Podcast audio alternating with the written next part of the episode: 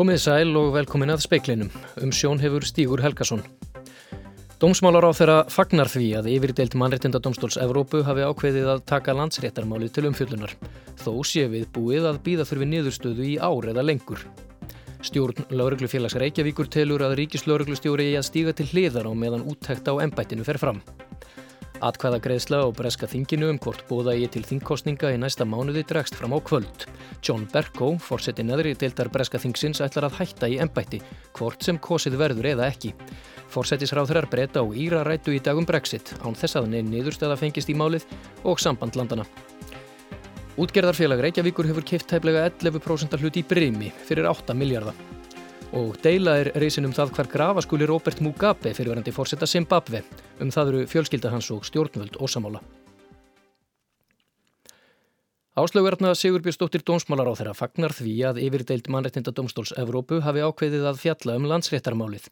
Dómstólinn komst að þeirri niðurstöðu í mars að Íslenska ríkið hefði brotið gegn mannreittindasáttmála Evrópu með skipan fjögura dómara við landsrétt þegar þáverandi Dómsmálar á þeirra vek frá tillögu dómnefndar. Þetta er bara mjög ánægilegt. Við lögum auðvitað áherslu á að máli færi til lifiðildarinnar til endurskoðunar og vildum láta endurskoða málið að við töldum niðurstöðun að ganga og langt og hún er, getur auðvitað einnig haft fórstafinskildi. Hvað svona búistu við að það líði langa tími þangar til að kemur niðurstaða svo í málið? Það máli gera ráð fyrir því að þetta takja minnst að kosti ár. Og, og hvað þýðir það þá fyrir landsett? Nú hefur við talað um að það ríki réttar óvisa sem að þurfa að leysa úr sem fyrst. Já, dómarar dæma sjálfur sitt hæfi og það er kannski held að þeir fóði tækifæri til að meta stuðuna í ljósið þessara niðurstöð. Hæstirættur hefur auðvitað komist að fyrir niðurstöð að þeir eru löglega að skipa þetta. Síðan er það auðvitað bara praktíst úrlösnarefni hvernig best mót þykja þar sem er landsréttar og ég hef nú þegar óskað eftir nýjum og ítalegum upplýsingum um fjöldamála og stuðu þeirra við réttin. Hvað kallar þetta á að hálfu ríkisins og ríkislögmanns? Við munum setjast niður með ríkislögmanni og ræða þetta ríkisjótt á morgun. Það skiptir auðvitað miklu máli að það sé eins vel staðið að mála tilbúðanum fyrir Ísland eins og kostur er. Þetta var áslögarna Sigurbjörnsdóttir, Kristín Sigurðardóttir talaði við hana og rætt verður við Berglendi Svavarsdóttur, formann Lagmannafélags Íslands um málið síðar í þættinum. Óánægja með embætti ríkislauruglustjóra er víða á meðal lauruglumanna, bæði á landsbyggðinu og á höfðborgarsvæðinu. Þetta segir Arinn Björn Snorarsson, formaður lauruglufélags Reykjavíkur. Embætti ríkislauruglustjóra og lauruglustjórafélag Íslands eru lendi í hár saman, meðal annars vegna fata og bílamála lauruglunar. Fyrir að fyrsta afnátt var að segja að þetta er mjög sorglegt að þessi staðaskuli hafa komið upp og engum til framdráttar og við reynum að vinna með þeim eins og hættir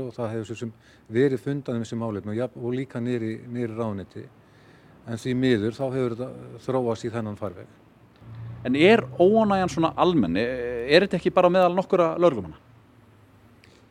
Já, miða við yfirbræðið því sem hefur komið fram núna síðustu daga um ennbætti ríkslustjóra og hefur verið í rauninni í gangi núna síðustu mánu og jafnvel ár og þá er þessi óanæg nokkuð víða, hún er víða át á landi, hún er víða hérna með okkar fjela hérna á höfuborgarsvæðinu. Hvað viltu sjá gerast í þessu máli? Það er búið að búa þarna stjórnsýslu úttækt og, og við viljum að hún fari sem fyrst í gang. En það er mat margra og margra innan lörgufélagsins og mat stjórnar lörgufélagsins að ríkislöfustjóri eigi að stíga, til hliðar á meðan að þessi úttækt stendur yfir. Segir Arinn Björn Snorarsson í viðtali við Jóhann Bjarnar Kolbensson og nánar verður rætt við Arinn Björn í fréttum sjónvarps klukkan 7. Fórseti neðri deildar Breska Þingsins tilkynnti í dag að hann lætur af embætti í síðasta lagi þann 31. oktober, sama dag og útganga Breitlands úr Evrópusambandinu er fyrirhuguð. Búist er við því að niðurstað, búist er við niðurstaðu atkvæðagrestu þingmanna um að halda kostningar fyrir 31. oktober verði ekki ljós fyrir en senkt í kvöld. Stífar umræður hafa verið á breska þinginu frá því í morgun en þingi verður slitið í kvöld og kemur ekki saman aftur fyrir enn 14. oktober.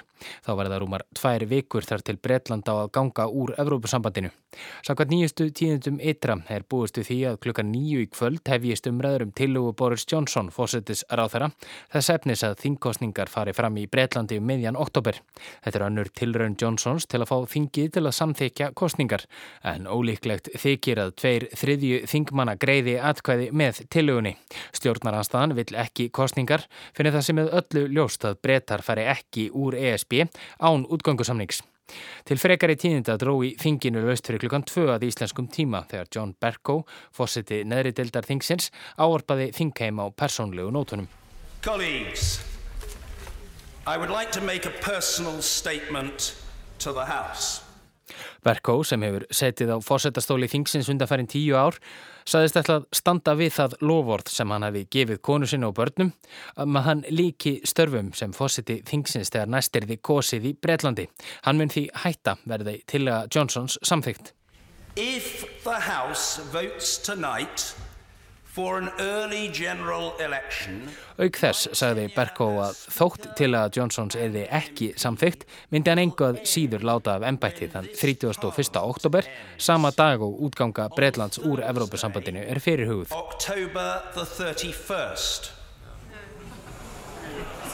October the 31st. Tafir hafa orðið á þingstörfum í dag þar sem þingmenn keftust hver af öðrum við að mæra Berko fyrir störf sín síðustu tíu ár.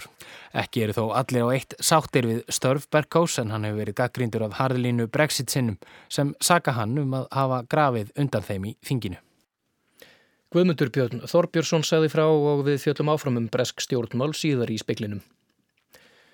Útgerðarfélag Reykjavíkur hefur keift fisk sífút af kaupfélagi skakfyrðinga á 8 miljardar króna. Eina eign fisk sífút er tæplega 11% hlutur í Bremi HF. Í tilkynningu um viðskiptin til kaupallarinnar segir að útgerðarfélag Reykjavíkur eigi nú rúmlega 48% hlut í Bremi og að stemt sé að því að eiga til framtíðar innan við helming hlutafjár í félaginu. Útgerðarfélag Reykjavíkur hétt áður Brem en það sem nú heitir Brem hétt áður HB Grandi. Brem, áður HB Grandi, hagnaðist um 1,5 miljard á fyrir hluta ársins sem er þrefalt meiri hagnaður en á sama tíma í fyrra. Þrýr erlendir ríkisborgarar voru handteknir á föstudag, grunaður um kortaþjófnað. Talið er að mennirnir hafi komist yfir kort og pinnúmer og tekið út háar fjárhæðir í hraðböngum, alltaf miljón krónur, þegar þeir dvöldu á landinu í tæpa viku í fyrra. Mennirnir komu til landsins á nínu á dögunum. Starfsmaður verslunar á höfuborgarsvæðinu kannadist við mennina frá því í fyrra og gerði lögreglu viðvart. Í kjálfarið voru þeir handteknir. Mennirnir játuðu brotin við yfirherslur. Beðið er eftir því að ákæra verði gefin út. Vísir greindi fyrst frá. Stjórnvöldi í Zimbabwe og fjölskylda fórsettans fyrirverandi Roberts Mugabe sem lést á föstudag eru ósamála um hvar eigi að leggjan til hinstu kvílu. Eftir dauða Mugabes var hann útnemdur þjóðhetja af eftirmanni sínum á fórsetastóli Emerson Manangagwa. Laung hefðir fyrir því að grafa þjóðhetjur Zimbabwe í svo kallari hetju egru skamt fyrir utan höfuðborgina Harare og hafa Zimbabwesk stjórnvöld gefið út að Mugabe verði einnig borin til grafar þar. Hins vegar hafa Ímis ættmenni fórsetans sáluga lísti yfir að hann hafi viljað láta grafa sig á fæðingarstað sínum smáþorpinu Kutama um 80 km vestur af Harare. Segja ættingjarnir að Mugabe hafi ekkert viljað með núverandi stjórnvöld að gera hvorki lífs nýliðin. Frændi Mugabes, Leo Mugabe, sagði við breska ríkisútarpið í dag að hann hafi dáið bitur maður þar sem fólk sem hann hafi treyst hafi svikið hann. Herr Zimbabwes neytti Mugabe til að segja af sér fyrir tveimur árum og Manangagwa sem áður var einn af nánustu samstarfsmönnum Mugabes tók við stjórninni. Mugabe lést á sjúkrahúsi í Singapúr og eru líkamsleifar hans enn þar en áætlað er að þær verði fluttar heim til Zimbabwe á miðvíkudag. Fyrsti viðkomustadur líksins verður fæðingarþorp hans þar sem það verður til sínis í sólarhing, síðan á að flytja það til höfuðborgarinnar þar sem útför Mugabes fer fram á þjóðarleikvangi Zimbabwe. Hvert að fer svo er enn óvist. Vera Ítlugadóttir sæði frá.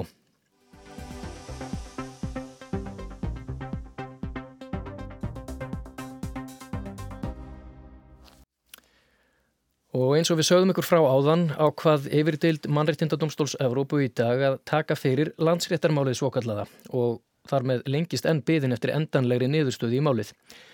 Og hingað til að ræða það máli er komin Berglind Svavarsdóttir, formaður Lómanafélags Íslands. Velkomin. Takk. Berglind, kannski til að byrja með, komið þessi ákvörðunir á óvart eða rendum við kannski bara alveg blinkt í sjóin með þetta? Með að taka þetta fyrir í yfirdeildinni? Já. Uh, Ég, mér fannst vera svona, ég hvað ég að segja, 50-50 eiginlega. Get, lestu eitthvað í það að yfirleitin hafi ákveð að taka málið fyrir? Segir það eitthvað, okkur eitthvað um afstöðu dómarana til þessa máls? Um, sko það eru reyndar mjög fá mál sem að hljóta náð fyrir uh, efri dildinni uh, ég held að það sé innan við 5% af, af málum sem að eru uh, tekinn þangað. Hins vegar er, er staðan þannig í Evrópu sko, við þurfum aðeins að horfa á þetta í víðara samhengi. Það hafa verið mjög mikil, uh, mikil vandragangur á, á uh, stöðu dómara í Evrópu og í hlutum stjórnvalda í, í bæði störflómana og dómara og það kann að vera að ef maður reynir eitthvað að lesa í þetta, það kann að vera að það uh, sé hluti af því að það sé verið ákveði að taka þetta fyrir. Að, að dómararnir sem skipa yfirdildina hugsi með sér að það sé mikilvægt að fá fá svona einhver aðri niðurstöðu í máli. Já, gefa bara skýra línur um, hugsanlega að, að í hlutun stjórnvalda í lögjæslimál, dómara uh, störf og, og, og uh, raunni, þann hlutaríkisvaldsins sem að, að lítur á dómsvaldinu að það sé bara hort á þessa þrýskiptingu ríkisvaldsins eins og við uh, eins og við viljum hafa hana og, og, og teljum að réttakerfi e, e, hljóta byggjast á. Já. Þú telur að það sé líklega þá heldur en að yfirdeildin hafi metið þess að að neðri deildin hafi gert einhverju glóriur þegar þið komast að sinni nýðustu. Það kann vel að vera að, að, að þeir uh, hafi litið þannig á. Ég, ég, ég, ég get ekki lesið neitt í það en allavega þá, þá er Eh, staðan er þessi Evróp sem að, og ég, ég held að hún skipti líkamáli, hvort sem að hún hafi einhverja, uh, hvort sem að það er, er uh, hinn endanlega og, og eina laust að, að, að ástæða þess að þetta sé tekið fyrir. Ég, ég, sem, ég ætla bara ekki að segja neitt fyrir eitthvað um það. Nei. Kantu skila á því hvernig þessi yfirdild er og fungerar öðruvísi en þessi hefbundni mannrættindadómstól sem, sem við þekkjum, er þetta bara svona eins og munurinn og hérastómu og hæstarétti? Já, í rauninni er það þannig, en, en eh, það eru náttúrulega, þetta eru 17 dómarar eða 18 Já. sem að fjalla um, um þessi mál sem koma þangað. Já, og þetta getur tekið bísna langan tíma? Já, þetta getur nefnilega tekið ansi langan tíma og um, ég held að sé alveg óhætt að gera ráð fyrir því að við séum að tala um að minnstakosti eitt ár og jafnvel eitt og hálft. Já, og já, á meðan hljótu við að geta sagt að það er áfram óvisa, eða hvað?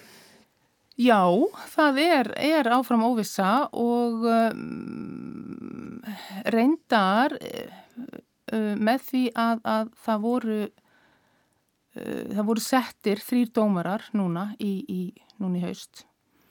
Að þá er uh, dómurinn skipar 13 dómurum eins og er. Og uh, þannig að, að skilvirknin er eða á að vera nokkuð tryggð. Og, og það var það sem að lögumannafélagið uh, bendi á og, og álíktaði um eftir dómannitinu dómstólsins í mars síðastlinum að það yrði að tryggja skilvirkni réttarins og, eh, og síðan var uh, þessi álíktun var áréttuð núna í sumar. Og þannig að við uh, ég get ekki annað en verið mjög ána með það að það er þó að minnst okkursti búið að tryggja skilvirknina og, og reyna að koma vekk fyrir það að mála halin lengist eins og raunin var, í, í, var orðin í núna í sumar. Og með tilhærandi álægi á dómarana og sem er náttúrulega ég er bara ólíðandi bæði fyrir domstólinn sjálfan og, og þá borgara og, og sem að þurfa að leita þangað. Já, já, þið funduð helst fyrir þessu þannig, lögmenn? Að... Já, já, lögmenn funduð náttúrulega fyrir því þannig að, og það, það, er, uh, það er það sem við vorum að reyna að já, tryggja að yrði ekki, yrði ekki staðan og hérna já, þannig að allavega eins og er að, að þá er þetta um, já, eins gott eins og hægt er að hugsa sér í stöðun eins og hún er núna. Já, sko, það voru fjóri dómarar við landsrétt sem að hafa ekki starfað síðan dómurinn fjell, þeir sem að var talið að hefðu verið teknir þannig fram mhm. fyrir rauðvískipanuna. hvað þýðir þetta fyrir þá? Það getur kannski eitt ykkur að vonum að niðurstöðinu verði snúið og þeir þá metnir löglega skipaðir. Já, já. En þurfa þá náttúrulega líka býða tölvöld lengur eftir að fá já. Eh, við heyrðum að, að Dómsmálar á þeirra sagði í, í fréttum aðan að nú þurfi þeir að eiga það við sig, hvort að þeir uh, mögulega sko snúið tilbaka bara vegna þessarar ákvörðunar yfirdeildarinnar, hefur þetta skón á því? Já, það, það er náttúrulega, það er alveg hárétt hjá, hjá uh, dómsmálar á þeirra að það eru dómara sjálfur sem meta sitt eigið hæfi. Uh, þeir hafa, ja, staðan er svo að þeir hafa ekki dæmt síðan, síðan þessi dómur mannettindu dómstólinsins var hveðinu. Uh, hvað sem þeir ákveð að gera í, í, í framtíðinni, ég, ég get eiginlega ekkert lesið í það. Það eru tveir þeirra farnir í leifi. Hinu tveir hafa ekkert gefið neitt út um það, hvað þeir muni gera. Þannig að, að en eins og segi það er búið að setja þarna þrjá núna í, í, í staðinn. Ef niðurstaðan verður svo að yfirdeildin kemst að þeirri niðurstöðu að þessi dómur undirdeildarinnar, ef svo maður segja, uh, hafi verið rángur. Nú þá væntanlega fara þessir dómarar bara að dæma aftur. Já. Hæstiréttur hefur komist eftir niðurstöðu að, að dómurinn sé lögulega skipaður. Ef yfirdeildin kemst eftir niðurstöðu að, að hann ákveður að staðfesta dómu undirdeildarinnar, þá þá, þá er, er raunin uppi bara mjög mikil óvisa og, og hvað, hvað verður gert. Uh, það, það gæti farið svo að, það, að, að einhverju lögmenn minu fara með og, og, og mér kýrst nú reyndar að sé nú einhver slík mál fyrir hæstarétti að, að fá þá bara láta reyna á þetta, láta reyna á þetta já, aftur upp á nýtt. Já. Nú hvað mun hæstiréttur gera? Uh, mun hann staðfesta sína fyrir neðustöðu eða mun hann taka uppeyju? Já, einmitt. Það er alveg ljóst að það er ennþá, ennþá talsvert af spurningum ósvarað í þessu. Uh, Berglind Svavastóttir, takk kærlega fyrir komin og fara aðeins yfir þetta með okkur. Takk.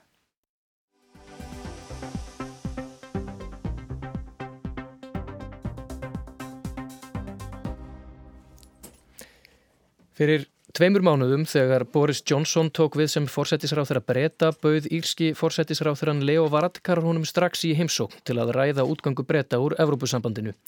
Það var fyrst í morgun að Johnson gaf sér tíma til fundar í diblinni. Sem fyrr er allt óklárt heima fyrir. Johnson slær úr og í um útgangusamning og hefur ekki lengur tök á framvindunni því hann hefur ekki meiri hluta í þinginu.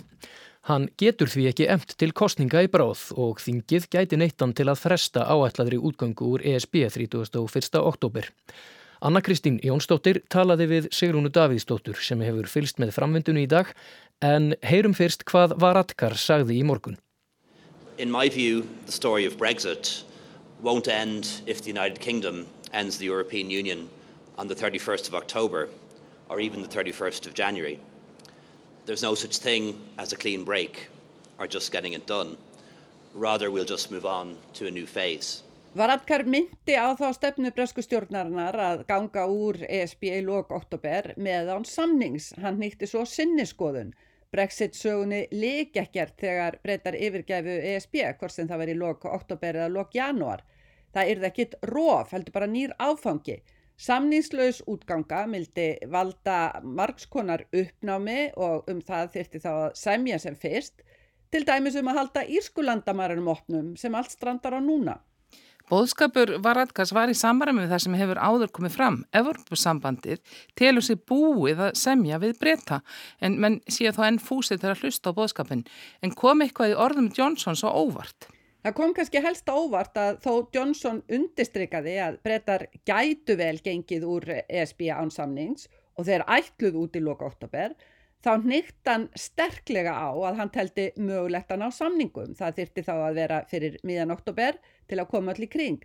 Heyrum aðeins hvernig Johnson nýtti á þessu. So I have one message that I want to land with you today, uh, Leo, and that is that I want to find a deal. I want to get a deal. Johnson vil samning, en er líklegt að hann nái nýjum samningi, ná að semjum eitthvað annað en Theresa May tókst í samningun sem að breska þingið feldi svo þrísvar. Það er hugsalega smá sveigrún til breytinga í útvarslu írskulösnarnar. Johnson hefur hins vegar sagt að hann sætti sig ekki við neitt annað en að fella þá klausu alveg út og hinga til hafa Varadkar og SB verið algjörlega samtaka um að það kom ekki til greina. Í yfirlýsingu eftirfundin sæði að aðilar hefðu nálgast hvort annan en mikið bara á milli. Það var svona ekki mjög áþreifanlega niðurstaða. Nú varðandi samninga þá eru ímsir sem evast um samningsvilja Johnsons.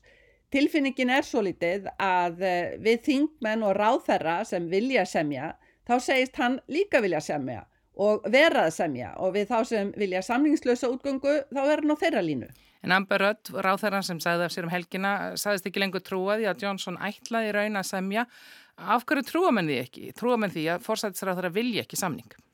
Rudd sagðist til dæmis einfallega ekki sjá neina slíka vinnu í gangi og það eru fleiri sem hafa tekið undir það. Það er til dæmis búið að leysa upp breska samningateimið í Brussel. Framan af sagðist Johnson reyndar ekki tala við Brussel nema þeir samþyktu fyrst að streka út írskulösnina Svo strikaði hún, hann nú sjálfur yfir þá nálgun og hefur tekið upp þráðin við Bryssel og ráðamenn í Evrópu samanber fundin í dag. En já, samningsvilji fórsatsráðara þykir ekki alveg sannfærandi. Gæti þetta verið eitthvað kænsku ráðarans að e- draga mála á langin og skapa þannig þrýsting á ESB? Vissulega og það er einn tilgáttan. Ef þetta er kænsku bræð þá eru áhrifin miklu meiri heima fyrir heldur en verðist vera í Bryssel. Heima fyrir er hópur þingmanna eh, sem er búin að koma í gegn lögum sem hindra samningslösa útgöngu uh, þarna í loku oktober og hindra kostningar fyrir en eftir 31. oktober sem allt takmarkar uh, möguleika fórsætsráðura til aðtapna. En hvað vill Európa-sambandið og hver er afstæðan þar til útgöngu breyta? Frakkar hafa nú verið lang óþólunmóðastir, nú síðast auðvitaðrikiðsraðara frakka sem að sagði að það sé ekki hægt að standi þessu framlengingastappi á þryggja mannaða fresti. Hollenski auðvitaðrikiðsraðaran uh, saði reyndar það sama í dag Ópumbera afstafa ESB er að það sé búið að semja en menn hlusti á allar tillögur breyta. Vandin er aftur þetta að breskastjórnin hefur ekki haft neitt nýtt fram að færa og það aftur dregur úr þessari tilfinningu að Johnson eh, hafi mikinn samningsvilja. Og nú þegar er ljóst að það verða kostningar hér í vetur þá væri það vatn á millu brexit sinna ef ESB slíti viðræðum en Evropasambandið mun öruglega forðast það hlutverki lengstu lög.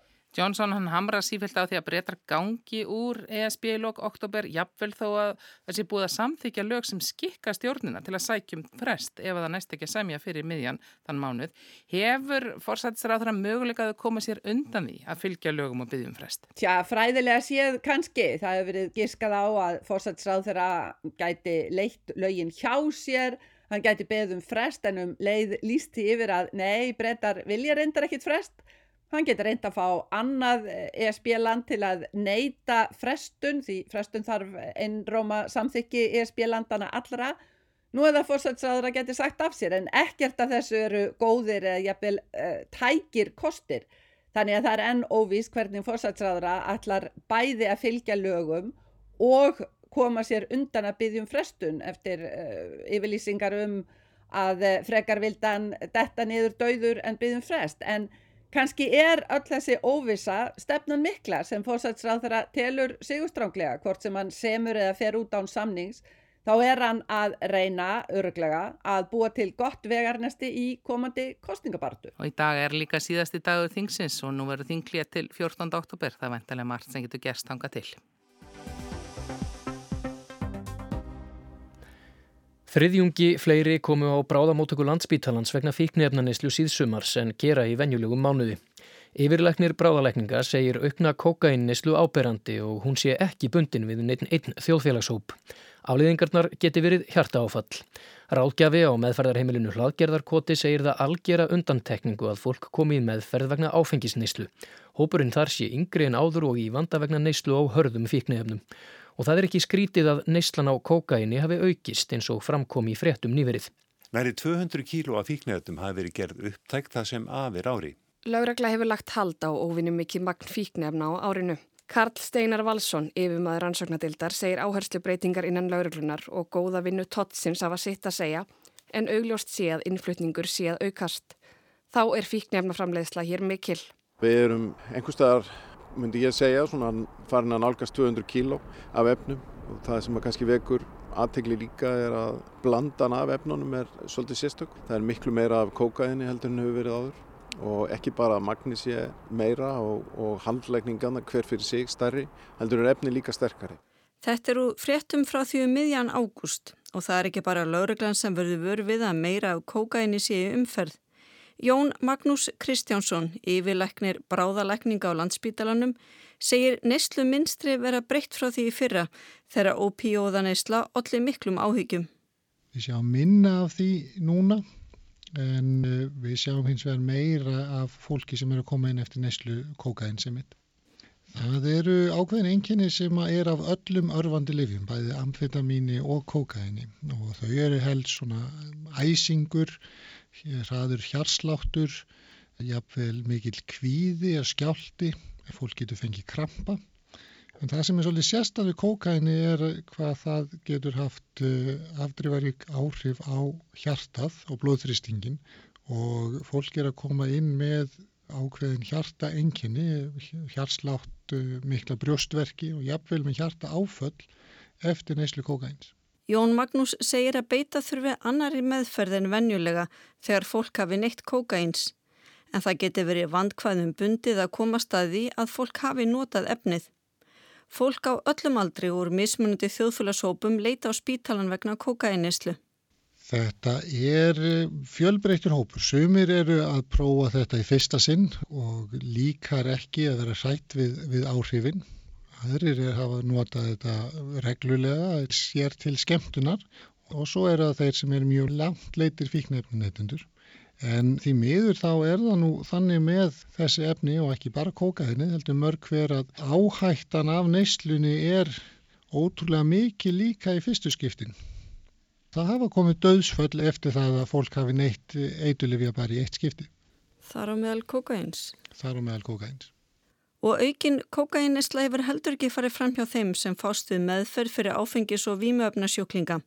Sigurður Hólmar Karlsson er ráðgjafi á hlaðgerðakoti og við erum að fá inn bara mjög fólk frá 20 og kannski upp í 35 ára sem að aðal neysla þeirra er kokain og örfand efni sko.